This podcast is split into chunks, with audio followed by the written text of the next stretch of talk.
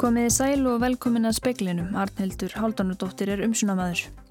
15 er enn saknað eftir skriðu föll í bænum Ask í Gjerdrum í Noregi. Fórsettisræðara Noregs segir ræðilega sálti þess að vita að enn séu svo margir ófundnir. Það gæti þurft að rýma aftur þau svæði á seyðisfyrði sem rýmingu hefur verið aflétt á. Stjórnvöld gerði í dag samning við Livjafyrirtækið Moderna um kaup á bólefni fyrir 64.000 manns. Fyrirtækið áallar að hefja dreifingu á fyrstu mánuðum nýs árs. Umhverfis áhrif að virkun svartár í Bárðardal í Þingaðasveit verða verulega neikvæð, segir í áliti skipilagstofnunar. Fórseti ASI segir að verði mikil barátt á næsta ári, aldingiskostningar munið einhverju leiti snúast um stöðu almennings og launafólks og hvernig brugðist verði við Halla Ríkisjós.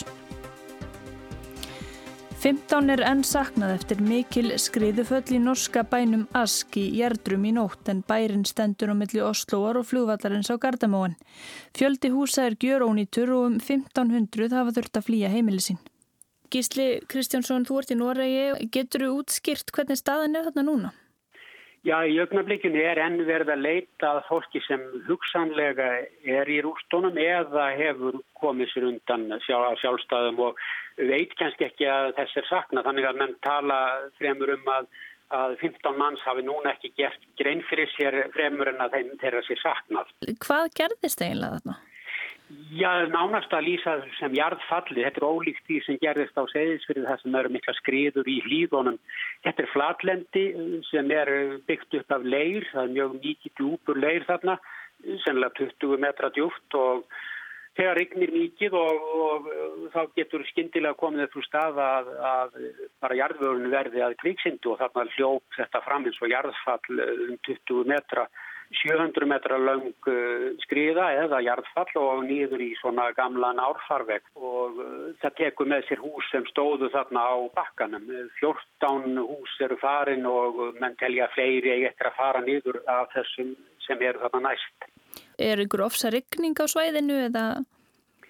Sko það hefur verið mjög mikil ryggning núna mjög lengi þannig að og í fyrra dag var mjög mikil ryggning og meiri ryggning en mann hafa upplifað á, á þessum tíma og, og all uh, úrkomu metur fallin núna í, í ár og, og þess vegna er þetta, er þetta í meiri hætt og það er ekki frost, venjulega er það er ekkit óvennilegt að það sé 10-15 steg að frosta á þessu svæði en þarna verður ekkit frost verið og, og jörðin því jarðvegur mjög blöytur.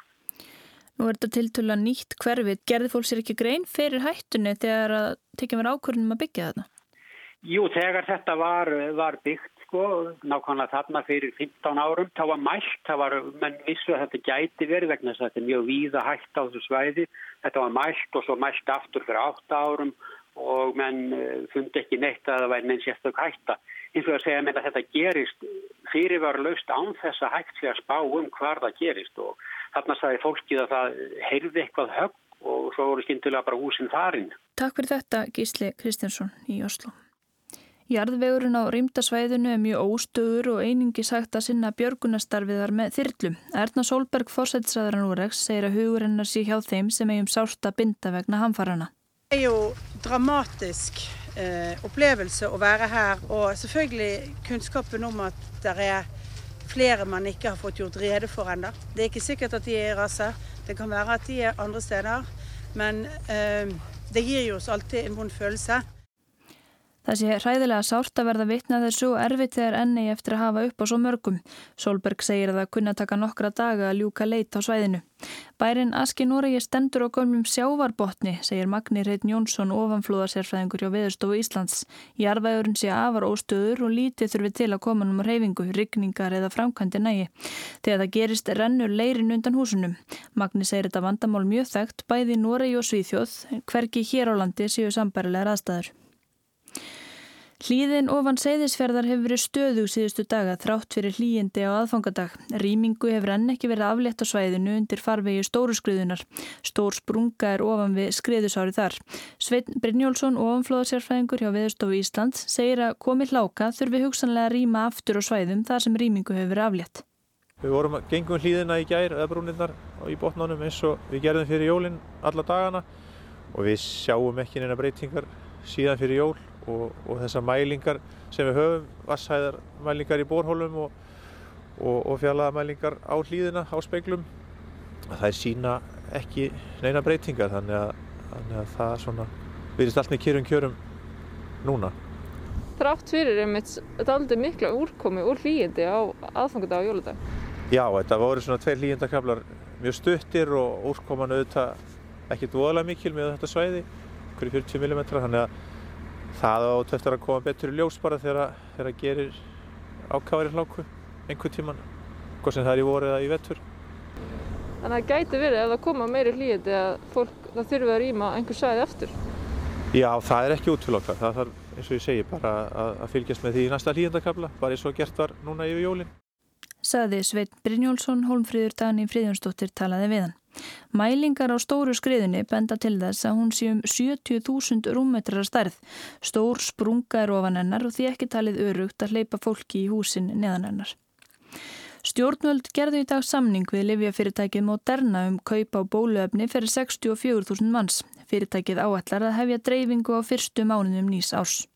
Samningurinn hljóðar upp á 128.000 skamta en spröyta þar fólk tvísvar með fjögur að vikna millibili til að hámarka virkni efnisins. Búist er við að bóluefni fái markaðsleifi í Evrópu í næstu viku og fljótlega eftir það á Íslandi. Stjórnvöld undirrituðu líka í dag samning við Pfizer um 80.000 viðbótar skamta sem duga til að bólusetja 40.000 manns. Bæði bóluefnin byggja á henni svokulluðu mRNA-tækni, munurinn hins vegar sá að bóluefni Pfizer þarf að geimast við alltaf 80 stiga frost en hjá Moderna dugar að geima það í 20 stiga frosti. Rúna Högstóttir Kvanberg, fórstjóri Lífjastofnunar, segir þetta einfaldar hluti þegar kemur að dreifingu. Þetta bóluefni það þarf ekki að vera í svona mikillig kæling og það byggir bara á, á, á fytu einingunum sem það er pakkað inn í og svoleiðis að það gerir það svolítið einfaldara bæði í, í flutningum og meðhundlu það er kannski einna helst. Hún segir að bæði bóluefnin veiti góða vörd gegn veirunni. Nýðstöðnar hafa verið mjög sambarilegar sko. Þetta eru bæði þessi bóluefnir að veita góðar nýðstöðu hvað var þar vörd. Saði Rúna Haugstóttir Kvanberg, hauskuldur Kári Skram tók saman.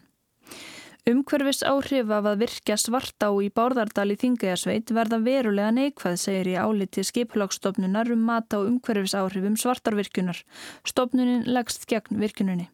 Mikil náttúruverðmæti raskast verulega verði svartá virkuð, segir enn fremur í áliti skiplagsstofnunar. Þá er sveitarstjórn Þingæjarsveitar ráðlagt að endurskoða áform um að gera ráð fyrir virkuninni í aðalskipulagi. Félagið SSB Orka IHF hefur haft áformum að reysa 9,8 megawatta vassapsvirkjun í Svartá. Gert er ráð fyrir að stipla Svartá og leiða vatnið um aðrennslis pípum 30 km leiða stöðvarhúsi. Í áliti skipulastofnunar segir að virkun skerði rennsli Svartár. Þá segir að vatnasvið Svartár og Suðurár hafi mikið verndar gildi. Þær eru lindár sem eiga uppruna í lindarvatninu Svartárvatni og lindum sem spretta fram í suðurárbótnum í ódáðarhaunni. Lindárnar séu einar þær lífríkustu og vassmestu á landinu og rennum blásinn hraun í umhverfi þar sem yngripp mannsins eru lítil. Þá sé vatnarsviði talið alþjóðlega mikilvægt fugglasvæði. Jafnframt segir að verði svart á virkuð raski það votlendi og jarðminnjum sem njóta sérstakrar vendar. Kristín Sigurðardóttir saði frá. Og hér eru nýtíðindi frá Noregi. Í frétt Norska ríkisútarsins kemur upphaflega fram að það voru 26 mann sem var saknað en núna eru það 12 sem er leitað. Fólkið átti allt heima á hamfarasvæðinu. Engin hefur fundist látin í ask.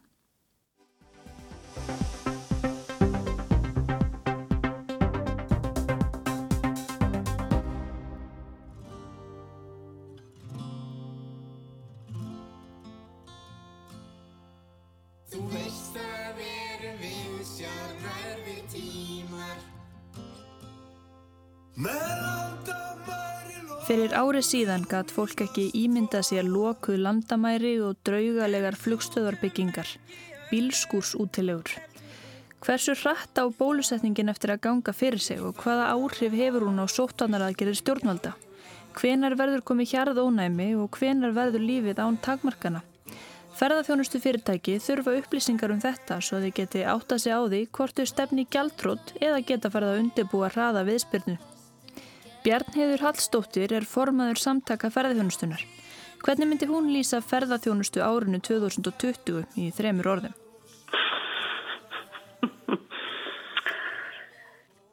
Uh, já, ég myndi segja að það hafa verið fóðalegt, erfitt og síðan einkendist af útaldi. Hvað finnst þið svona minnistæðast að þú lítur tilbaka? Já, minnistæðast eru svona þessar eh, sveiblur, þessi óvisa og, eh, og í rauninni bara þessi algjöra lömun á, á greininu. Það ánægulega var að sög Bjarnheðar að fólk ferðaðist innanlands og með öðrum hætti en áður, gisti á hótelum og prófaði alls konar aftreyingu. Ég kem með lómpæsuna.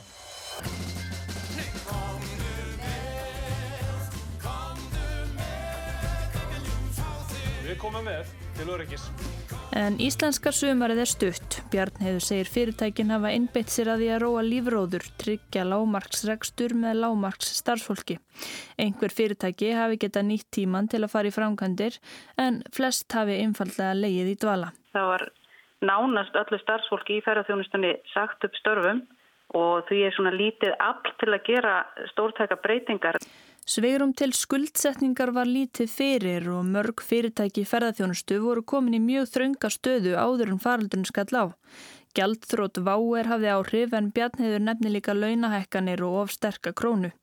Kórnuveiru kreppan hefur leitt til færri gjaldþrótta en forsvarsmenn greinarinnar óttuðust. Bjarnheður þakkar þetta mótvægis aðgerðum stjórnvalda, ómældri vinnu fyrirtækjana sjálfra og samningum sem þau náðu við kröfuhafa um greiðslu fristingar og fresti. En auðvitað er það ljóst og eins og þú nefndir þá var staða margra fyrirtækja þraung áður en faraldurinn skall á af ímsum ástæðum. Þannig það má reikna með að einhverju af þessum gjaldþrótum eða vandamálum hafi bara verið slegja og frest og, og líklega má reikna með að það hafi skapast einhvers konar snjóhengja.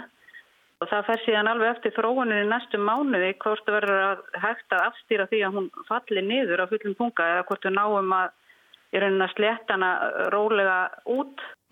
Það skiptir máli að sumarið 2021 far ekki forgörðum.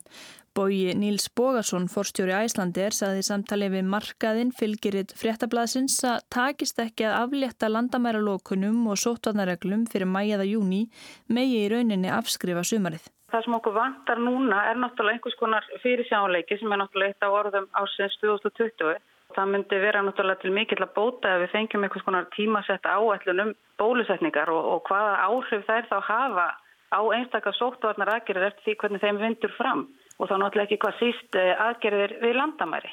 Að þegar meðan núverandi rástafanir eru gildi þá verður lítil sem enginn ferðarþjónusta. Það, það liggur alveg ljóst fyrir. Hún segir líka mikilvægt að fá á reynd hvernig stjórnvöld ætli að haga efnahags viðspyrnunni. Hversu mikið aflöðu hyggist setja í að endurreisa ferðarþjónustuna. Bjarnheður vill að greinin fá að vaksa út úr vandanum. Hún vill takmarka skattlagningu. Stjórnvöld þurfa líka hennar sögn að tryggja samkjætnishæfni Íslands og huga að markasmálunum. Það munu öll land heimsins stökka út á, á völlin núna þegar þessu öllu linnir og því skiptir það mjög miklu máli að við séum með í þeim leik og, og komum þar mjög öflug inn á sviðið til þess að laða til okkar sem flesta og besta ferðamenn. Hver man ekki eftir öskur herrferðinni? Nú þarf nýja herrferðamati bjarnheðar.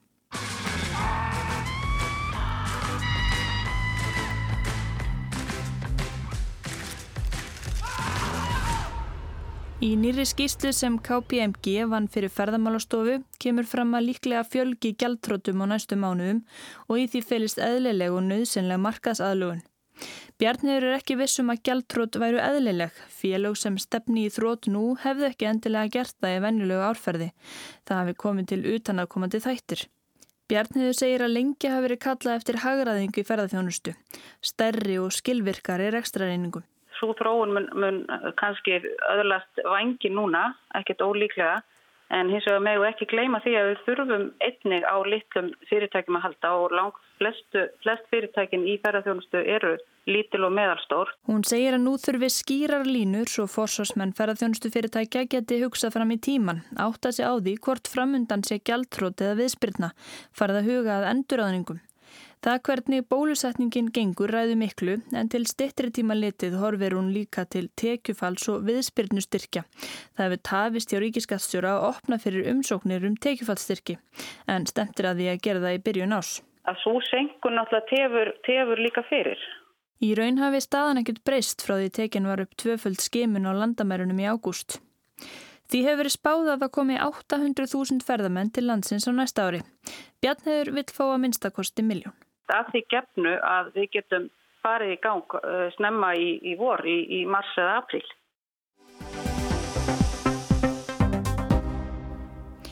Drífa Snædal, fórseti ASI, segir að atvinnuleysið mun ekki hverfa eins og dög fyrir sólu.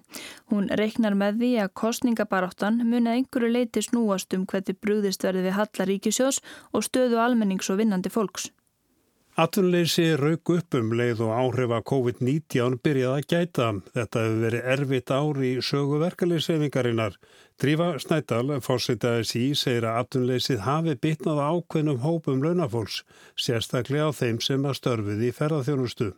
Og þar standa upp úr tveir hópar sem hérna tóku fyrsta skellin og það er ungt fólk og útlendingar og þeir sem unni í ferðarþjónustu.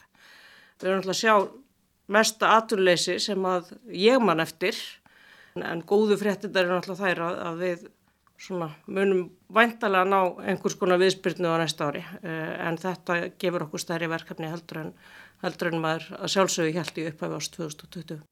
Drífa sér að þó að byrja að sé að bólusita fyrir veirunni sé þetta ekki búið. Vissulega sé horfur á að við komumst verið vind heilsufarslega, stæðsta verkefni sé að sjálfsögða vernda heilsu þjóðarinnar. En ég hins vegar rekna með því að af því að við veitum við erum farin að sjá einhvers konar tímalínu, uh, hvort sem svo tímalína verður að við verum bólusetti í, í haust eða sumar eða, eða jafnvel snemsumars, að þá fara svona fyrirtækin að geta áætlað út frá því, uh, byggt upp störf, uh, kalla til fólk til starfa til þess að undirbúa einhvers konar sumavertið. Ég hugsa að, að útlætingandi verður nú ekki alveg fjárfræðandi, þannig að við erum komin í allt aðra og betri stöðu með einhvers konar fyrir sjáanleika og þá reikna ég með að fara svona byrta til. Uh, en það hins vegar skilur okkur líka eftir með uh, verkefnið. Í fyrsta ræði hvernig ætlum við að byggja ferða þjónastuna, ætlum við að hafa hana alveg eins og hún var? Og í öðru lagi að við þurfum að byggja, við þurfum að bæta við störfum, við þurfum að hérna, fjölga störfum, við þurfum að vera með hérna, vinnumarkas úrræði Uh, af því að þetta aturleysi mun ekki hverfi eins og dag fyrir súlu. Hún bendir á að ferðarþjónustan sé lálauna atunugrein en hún þurfi ekki að vera það. Það sem hefur afhjúpast líka hjá okkur og við hefum nú verið að öskur okkur hásetni í mörg árum um vannkantana á ferðarþjónustuna en það sem við byrst er sko það er svo óbúslega margi sem eru í ílaupavinnu, eru í tímabunnu ráðningasamböndum, fá greitt uh, samkvæmt verkefnum þetta fólk var afskaplega berskjálta þegar ferðarþjónusta tekur svo högg. Uh, að auki má benda á svona þætti eins og hérna löggildingu leðsugumanna uh, hérna við gerum þær kröfur að, að fólk af erlendum uppröður sem kemur hérna uh, sé með einhvers konar þekkingu á landi og þjóðáður að fyrir að leðsegja eða kera rútur eða eitthvað slíkt. Það er svona nokkur skref sem hægt er að taka sem bæði eigur gæði ferðarþjónustunar og eigur atvinnu öryggi uh, hér innanlands uh, og eigur ráningavernd fólks. Heildar atvinnleysi meldist 12% í nógumber og almennt atvinnleysi tæp 11%. Drífa segir að það megi búast við að árið 2021 verði erfitt. Nú sé byggði eftir nýjum spám eftir að bóluefni barst til landsins. Hins vegar megi gera ráð fyrir að við munum áfram búa við atvinnleysi. Við höfum mestar áökju núna af fólki sem er detta út af atvinnuleysgrá uh, og við uh, lögðum það til strax í mæ að lengja atvinnubóta tímanbilið. Því að þetta fólk sem er detta út af atvinnuleysgrá uh, hefur ekki í önnur hús að venda heldur en fjárhansast og sveitafélag og sveitafélagin er nú ekki burðug til að taka mikið í fangi núna. Þannig að við höldum áfram að krefjast þess að lengja afturleysi tímanbilið og uh, benda á þá augljósu starðurind að ríkið er eini aðilinn sem getur einhvern veginn komið inn og tryggt afkomi öryggi fólks á þessum tímum. Verkefni framundan er sé að vinna okkur út úr kreppunni þegar er ljóstað mikill hallir á ríkisbúrskapnum en óttast er drífa að það muni bytna á launafólki þegar kemur að skuldadögunum. Ég óttast það sannarlega og þess vegna höfum við lagt mjög miklu áherslu og við þurfum að vaksa út úr kreppunni. Við höfum ekki að fara í eitthvað panik ástand á næsta ári eða það næsta, selja ríkisegur, reyna að loka gatinu. Við verðum að vera þeirri stöðu að, að þóla það að skulda þessa kreppu í eitthvað tíma. Þetta eru alþjóðastofnanir að benda á, það er að horfið frá þeirri þeim kennisetningu sem voru svo skadlega fyrir mörg ríki fyrir tíu ára síðan að nú er að fara í neðuskurð og selja, selja ríkisegur að því að þú uh, ríki áttu að vera reikin eins og heimili og, og hérna koma út á núli. Uh, þannig að það verður mikið barátt að næsta ári, alveg öruglega og ég rekna með að kostningabarátt að muna einhverju leiti snúastu þetta, eru allþykkiskostningar næsta ári. Uh, auk, auk bara stöðu almennings og, og vinnandi fólks í þessu landi. En hvaða afleðingar mun COVID-19 hafa á vinnumarkaðinn er líklegt að hann breytist vegna þess sem á undan er gengið. Drífa segist óttast að það verði ekki nöysenlega breytingar. Það verði að tryggja betur atvinnuöryggi fólks. Því að COVID ástandi afhjúpaði berskjaldaða hópa á vinnumarkaði. Þar kemur stertinn starfskjara lög sem, sem er í bígerð og voru hluti af lofvörðum stjórnvalda í fyrra sem eiga í rauninni að ramma betur inn bæði ráðningasambönd fólks, hugtæki launamöður, hvað fælst í því og líka viðulög við því þegar brotið er á fólki á vinnumarkaði. Þetta þurfum við að hafa og svo vil ég líka bæta einu við sem margir eru nú búin að glema að það er húsnæðisöryggið. Það er ekki bara afkoma heldur húsnæðisöryggi líka og eitt af því sem 2020 blottaði fyrir okkur er húsnæði sem fólk hefur látið sig hafa að búa í. Þannig að uh, þráttur í kreppu uh, að þá eigum við mörg handtök óunnin þar.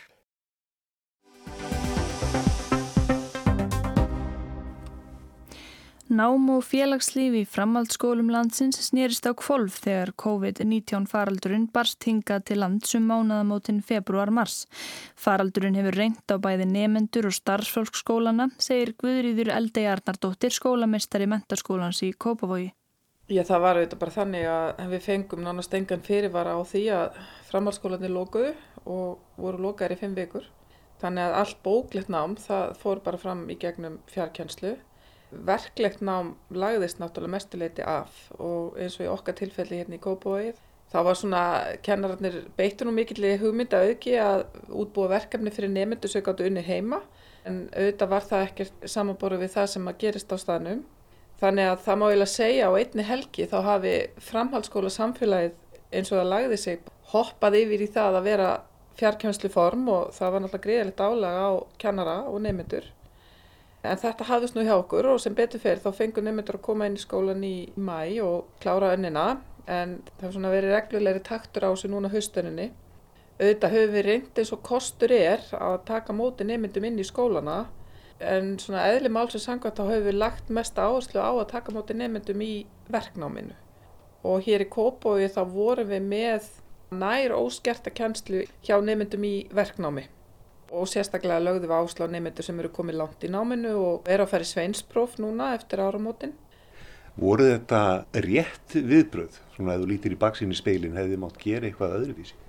Já, sjálfsagt getur maður alltaf sagt eftir á að maður hefði geta gert eitthvað öðruvísi. Við höfum alltaf reynd að leggja mest áslá að fá nefndur í skólan. Það hefur skipt okkur mjög miklu máli en Svo hafa sóttvarnir verið að breytast í rauninni, það hafa verið að koma nýja reglugerðar með tvekja þryggja vikna millibili og þá hefur við þurft að endur skipulegja allt skólastarf í sömum tilfellin bara upp og nýtt.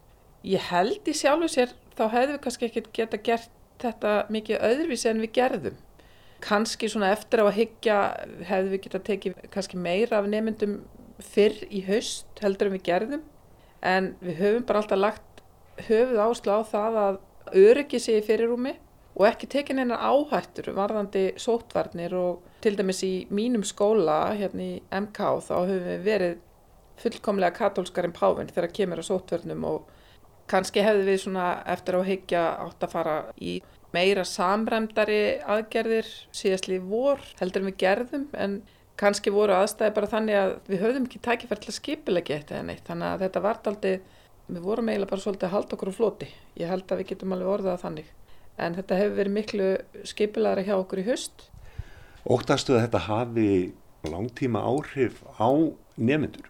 Já, ég óttast það og ef að við setjum þetta í samhengi að nú er til dæmis ef við skoðum nefnendur í bóknámi að nú er þessi svona skilgrendi námstími til stúdensprófs eru þrjú ár.